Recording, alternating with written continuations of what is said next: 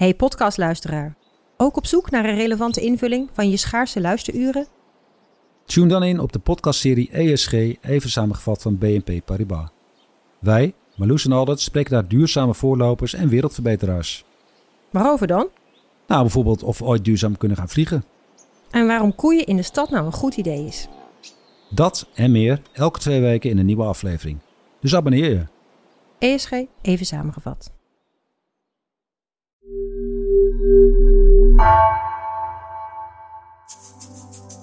Vanaf de redactie van NRC het verhaal van vandaag.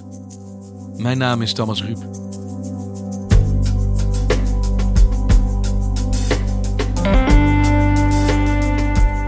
Voetbal is al lang geen sport meer van alleen gevoel, inzicht en intuïtie. Alles is data. Wie springt, wendt en rent op welk moment? Ook dit EK wordt elke beweging die elke speler van Oranje maakt tot in detail geregistreerd, ziet verslaggever Enzo van Steenbergen. Maar wat betekent deze datahonger voor de sport?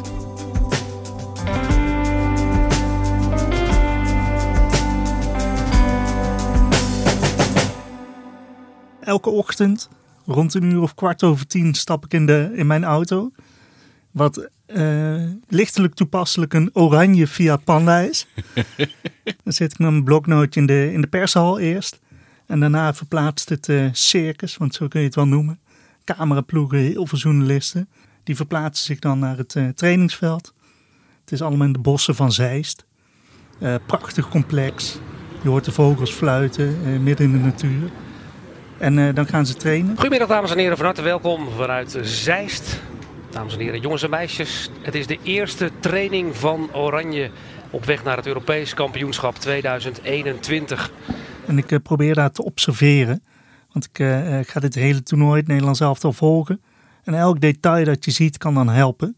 Een van die details was dat ik spelers zag met een soort overshirtje of ondershirtje soms aan. En er zat een soort bobbeltje op hun rug. En dat bleek een digitaal kastje te zijn waarmee ze data verzamelen.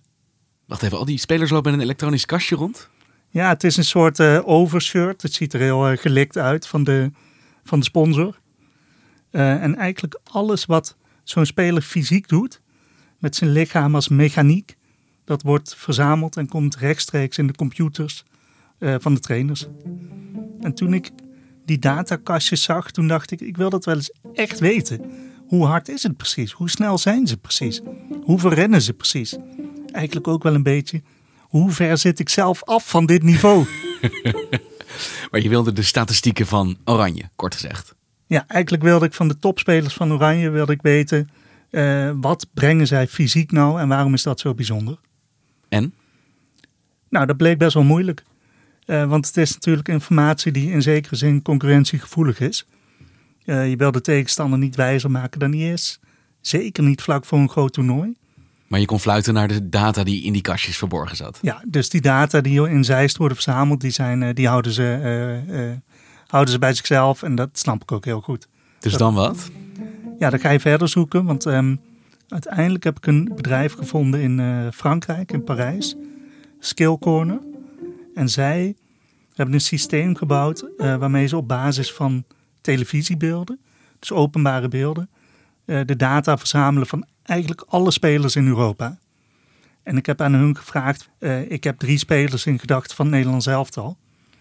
Matthijs de Ligt, verdediger, Jorginho Wijnaldum, middenvelder, Memphis Depay, aanvaller. En ik wil eigenlijk het liefst zoveel mogelijk weten van hun statistieken. Dus wat zij hebben geleverd is eigenlijk alle data van deze drie spelers uh, over het afgelopen seizoen per wedstrijd. Dus ik kreeg een enorm Excel-sheet met data over honderden wedstrijden. Ze hebben het ook vergeleken met andere spelers die op dezelfde positie in het veld staan. Zodat je een beetje kunt zeggen van nou, Matthijs de Ligt, is hij nou van topniveau? Wat kan hij goed? Wat kan hij wat minder goed?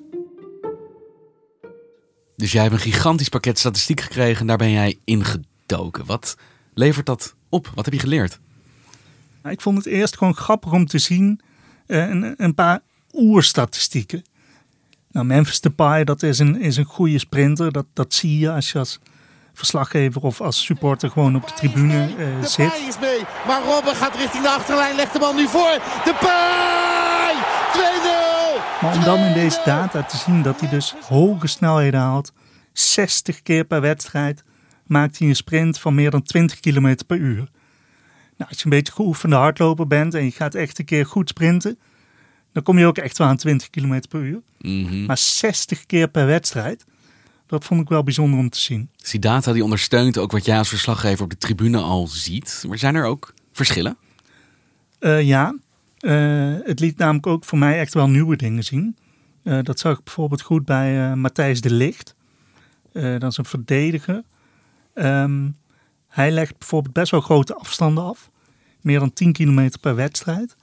wat hij ook doet, en waarvan ik eigenlijk niet eens wist dat het belangrijk was, is dat hij 120 keer per wedstrijd gemiddeld um, vertraagt hij zijn spel. En als je dan met fysiek trainers gaat praten en vraagt van ja, vertragen uh, klinkt gek, dan zeggen ze ja, dat is kwaliteit. Want spelers die uh, liggen vaak op snelheid, moeten dan ineens stoppen en keren om een andere kant op te gaan. Om goed positie te kunnen kiezen. En Matthijs de Ligt kan dat dus heel goed. De licht zat er nu tussen. Je ziet aan deze data dat hij uh, het mechanische werk van zijn lichaam heeft hij extreem goed onder controle. Nog een keertje met links dan maar. Dit is het moment van Matthijs de Licht. Maar het is eigenlijk ook een strategisch inzicht wat dan dus blijkt uit die data. Want het is meer dan alleen hoe snel ren je en hoe vaak. Dit is hoe speel je. Ja, en zo gebruiken trainers het dus ook. En um, ik heb er ook over gesproken met uh, Jos Gijzel. Hij is uh, al heel lang fysiek trainer in de topsport. Um, en hij vertelt ook hoe belangrijk die data zijn geworden voor uh, zijn werk. Ja, voor je tactiek, ja, ja. Welke mensen met welke kwaliteiten zit ik op welke posities. En wat voor keuzes maak je dan als trainer of coach op basis van dit soort data? Ja, je kunt kijken naar uh, Memphis Depay. Uh, hij is dus een heel explosieve, snelle speler. Um, bij het Nederlands elftal gaat het er nu veel over in wat voor opstelling ze spelen. Nou, als je kijkt naar zijn statistieken, dan zie je, de paai is geen kilometervreter. Dat is niet een jongen die heel veel mee terugloopt. Dus als je die zet tegenover een tegenstander die wel veel mee naar voren wil, kom je waarschijnlijk in de problemen. Dus het is een heel handig hulpmiddel om eigenlijk te bepalen wie je wanneer op welke plek op het veld inzet. Ja, het is een hulpmiddel en je kan het inderdaad gebruiken om je opstelling te bepalen en je tactiek. Maar data worden ook op eh, een heel andere manier gebruikt. Namelijk um, clubs kunnen het gebruiken om te kijken van wat voor speler hebben wij nou nodig. Dus wat je ziet gebeuren uh, in de afgelopen jaren is dat clubs uh, aanvragen doen bij databureaus. Ze willen een aanvaller die jonger is dan 25, die het meest in scoringspositie komt en die gemiddeld 10 kilometer per wedstrijd aflegt. En dat kan dan. Dan levert die, dat databedrijf dus inderdaad die lijst. En clubs gaan dan met hun eigen scouts die spelers bekijken. En andersom ook, dat de data bepaalt dat een bepaalde speler misschien geen goede match is voor dit specifieke team? Zeker. Uh, Memphis Depay is daar weer een voorbeeld van. Hij uh, ging toen naar Manchester United. En iedereen dacht, uh, dit gaat geweldig worden. Maar dat was het niet. Hij kwam daar eigenlijk helemaal niet uit de verf. Hij heeft toen aan het uh, databureau, waar ook de Nederlandse elftal mee samen, samenwerkt, heeft hij gevraagd van, kunnen jullie voor mij gaan kijken welke club bij mij past? De club waar hij uiteindelijk voor heeft gekozen, Olympique Lyon uit Frankrijk, die paste perfect bij hem. volgens alle analyses die werden gemaakt, was dat een systeem waarin hij zeg maar, op basis van de data uh, werd verwacht dat hij daar zou kunnen uitblinken. En dat is ook gebeurd. En eigenlijk alle clubs, topclubs in Europa willen hem nu hebben. En in het Nederlands elftal is hij inmiddels onomstreden als uh, aanvalsleider.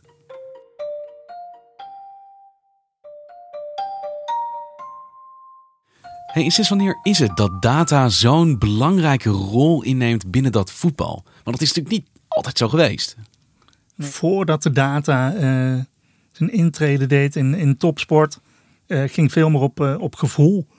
Dus je had een, je had een coach en die, die keek gewoon naar zijn spelers. De masseur had je, die masseerde de spieren los. Je had ook wel natuurlijk fysiek trainers, inspanningstrainers. Maar die moesten het allemaal doen op basis van hun gevoel. Uh, en op basis van wat spelers zeiden natuurlijk. Vroeger was het zicht, geheugen en intuïtie. Nu heb je bewijs. Ja, uh, ik had daar een interessante uh, gesprek over met Jos Gijzel. die vertelde dat in de jaren negentig was hij de fysiek trainer van Ajax. Onder Louis van Gaal. En um, wat ze altijd deden was een bosloop. Gingen ze bijna iedere week twee tot drie keer toe het Amsterdamse bos in hardlopen, zandpad in, zandpad uit, uh, heuvel op, heuvel af. Ter ere en meerdere glorie van de conditie. Op een gegeven moment zag Jos Keizel een onderzoek um, naar spiervezels. Hoe werken spiervezels? En, uh, ook een datagedreven onderzoek. En daar kwam eigenlijk uit van ja, je traint helemaal niet goede spieren. Je traint spieren die eigenlijk zijn voor duurloop. Terwijl voetbal is een sport van sprinten. Van korte sprint. Heel intensief. En toen zei ik tegen Louis van Gaal, met wie ik samen gestudeerd heb, zeg, waarom blijven jullie dat doen? Want vaker en hoe harder je gaat duurlopen, hoe loodzwaar het ook is, hoeveel energie het ook vraagt, en hoeveel zweetdruppels het ook geeft, je gaat er niet sneller van accelereren in het spel. En toen zei Jos Gijzel tegen Louis van Gaal van ja, we moeten dit helemaal niet meer doen. Nou, Louis van Gaal was enorm blij. Want die had eigenlijk een hekel aan boslopen. en die had ook al het gevoel dat dat niet werkte. Maar dat geeft dus mooi aan van dat toen het toch op gevoel ging. En pas toen er bewijzen kwamen, namelijk in de vorm van dit onderzoek naar spiervezels, eh, konden ze anders gaan trainen. En zagen ze dus ook dat die spelers zich gingen ontwikkelen. En dat ze wel de uh, conditie kregen om wedstrijden nou, langer op een hoog en intensief niveau te spelen. En dat je dus met harde kennis effectievere keuzes maakt dan op gevoel alleen. Precies. En wanneer zag jij zelf voor het eerst dat data een nieuwe rol ging spelen binnen het voetbal? Ik denk dat er een generatie voetbaltrainers is, is opgestaan, zeg maar een jaar of tien geleden. Uh, eerst in, in Duitsland, uh, Oostenrijk. Uh, die heel erg zijn gaan werken op basis van data. En een van de wedstrijden die toch een beetje in het collectieve geheugen gegrift um, staat. Uh, en dit is even jammer voor de Ajax-fans. Uh, is Ajax tegen Red Bull Salzburg. Ajax komt nauwelijks van de eigen helft af voor rust. En hier een hele grote kans afgerond door Mané. Die wedstrijd uh, was eigenlijk een wedstrijd waar Ajax dacht van ja, Red Bull Salzburg, dat is een maatje te klein voor ons. Die kunnen we hebben. Uh, en, uh, niet die zijn zo, te zwak. Die zijn eigenlijk te zwak. Um, en in die wedstrijd werden ze totaal overrompeld. Uh, Salzburg had een, had een tactiek van heel agressief vooruit verdedigen. Ajax wordt vanaf de eerste minuut weggespeeld door Salzburg. Vol onder druk gezet. En uiteindelijk maakt en Ajax die, ja, was dat helemaal niet gewend op dat moment. In Europa hadden we nog helemaal niet veel gezien. En die wedstrijd ging dus ook met 3-0 verloren door Ajax. Het was onluisterend Ajax donderdagavond. Dan gaat het over een incident, maar volgens mij was het ook een klassiek geval van onderschatting. Uiteindelijk denk ik uh, dat, uh, dat ik de verkeerde tactiek heb gekozen. En dat je gewoon eigenlijk hun tactiek moet spelen. Ja, Salzburg was dus een ploeg die was samengesteld op basis van data. Die zeiden, deze jongens kunnen zo'n intensieve wedstrijd uh, op de mat leggen. Uh, dat je daarmee die tegenstander dus uh, ja, eigenlijk kapot kunt spelen. Maar dit ging dus als een soort schokgolf door de voetbalwereld, omdat iedereen liet zien: dit kun je dus bereiken op basis van data. Zelfs als je op papier eigenlijk de minder sterke club lijkt. Ja, zeker. Ik denk dat er geen club meer is die hier geen gebruik van maakt. Uh, en dus dit EK zullen ook elk land dat je ziet spelen, zal, er zullen keuzes zijn gemaakt op basis van data. Um, een aantal fysiek trainers die ik dan heb gesproken um, voor dit verhaal, die zegt ook van ja, soms begrijpen mensen een bepaalde opstelling niet. Uh, en dan is er weer volkswoede, omdat er iemand wel of niet wordt opgesteld. Mm -hmm. Maar die mensen kennen meestal niet de data. Zo'n land heeft 17 miljoen bondscoaches, maar maar eentje met ook daadwerkelijk de data. Precies. Hey, en betekent dit ook dat de spelers evolueren tot betere voetballers? Omdat zij zelf dus ook beter weten en kunnen zien waar ze eigenlijk goed in moeten zijn. En of ze misschien toch meer werk in het rechterbeen moeten stoppen. Want ja, dat zegt de data nou eenmaal. Ja, ik denk dat het een, een soort uh, wisselwerking is. Voetballers worden steeds meer atleten. Het, uh, het spel wordt ook sneller. Um, letterlijk? Letterlijk, ja. Dus, dus er is een onderzoek uh, in Australië geweest uit 2013. Toen hebben onderzoekers een analyse gemaakt van alle uh, WK-finales. Dus wereldkampioenschap voetbal tussen 1966 en 2010. Daar kwam uit, vooral het tempo is enorm gestegen. Uh, de bal gaat 15% sneller dan in 1966. En spelers wisselen ook veel vaker van positie door loopacties zonder dat ze de bal hebben. En het aantal passes steeg daardoor met 35% Nou ja, dat laat zien dat er veel meer gevraagd wordt van voetballers. Je moet dus fysiek moet je veel fitter zijn, je moet sneller zijn, je moet sterker zijn. En wat doet deze ontwikkeling nou met de voetbal als sport? Ik moet een beetje denken aan, aan FIFA, zo'n videogame die een vriend van mij zeer intensief speelt. En ik zie die spelers dan ronddraaien, een digitale animatie. En daar zie je bij hoe hard ze rennen, hoe hard ze schieten. Het krijgt een beetje iets van programmeren bovenop stellen weg op deze manier. Nou ja, voor een deel is dat ook zo. Ik denk dat de uh, programma's die die uh, fysiek trainers gebruiken, die lijken ook wel een beetje op, op FIFA. Aan de andere kant, het wordt nooit een soort robotvoetbal. Het heeft altijd te maken met teamgeest, met het talent van spelers, met hoe goed ze in hun vel zitten. De underdog kan altijd nog winnen. Dus ja, je moet desalniettemin toch goed blijven kijken naar het spel en hoe zich het, ontwikkelt en, en hoe het gespeeld wordt of moet worden. Dat met eigen ogen zien is net zo belangrijk als of iemand 20 sprintjes in een wedstrijd trekt of 25 sprintjes in een wedstrijd trekt. Uh, je kunt niet alleen maar op basis van data werken. Dus het blijft een ongrijpbare sport waar we wel veel meer van weten. En waarbij ploegen zich wel veel beter op elkaar kunnen aanpassen. En data is toch ook onverbiddelijk op een bepaalde manier. Je kan als speler ook niet ja, bepaalde zwakheden afdekken, omdat de computer het wel zal zien.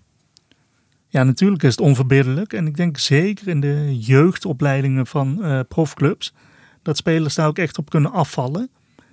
Het kan natuurlijk zijn dat je ondanks uh, data die niet helemaal het beste zijn, toch de beste speler uh, bent.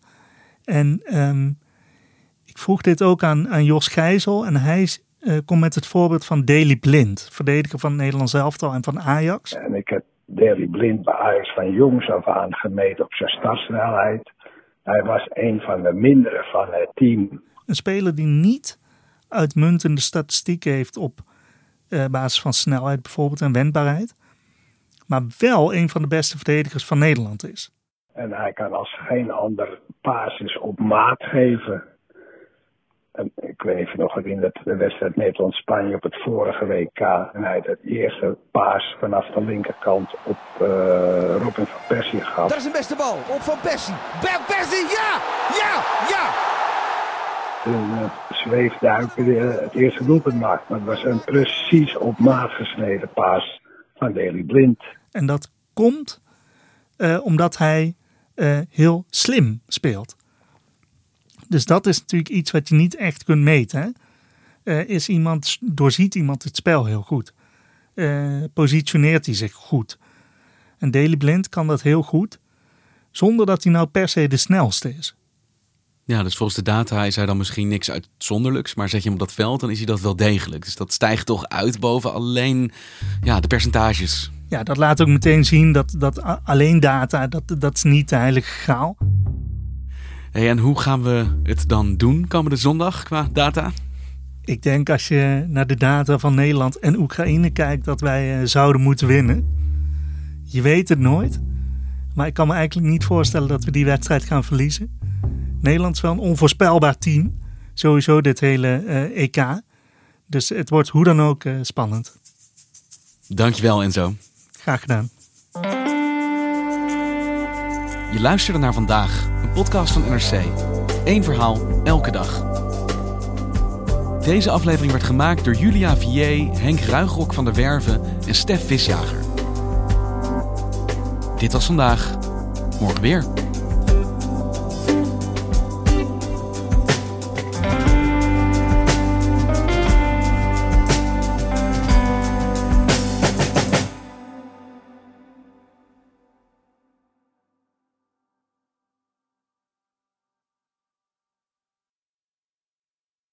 Voorkom dat je vermogen verdampt op je bankrekening. Beleg bij Bridgefund in kortlopende leningen aan Nederlandse MKB'ers. Inleg vanaf 100.000 euro en rendement tot wel 5,25% per jaar. Bridgefund. Make money smile. Let op, u belegt buiten AFM-toezicht. Geen prospectusplicht voor deze activiteit.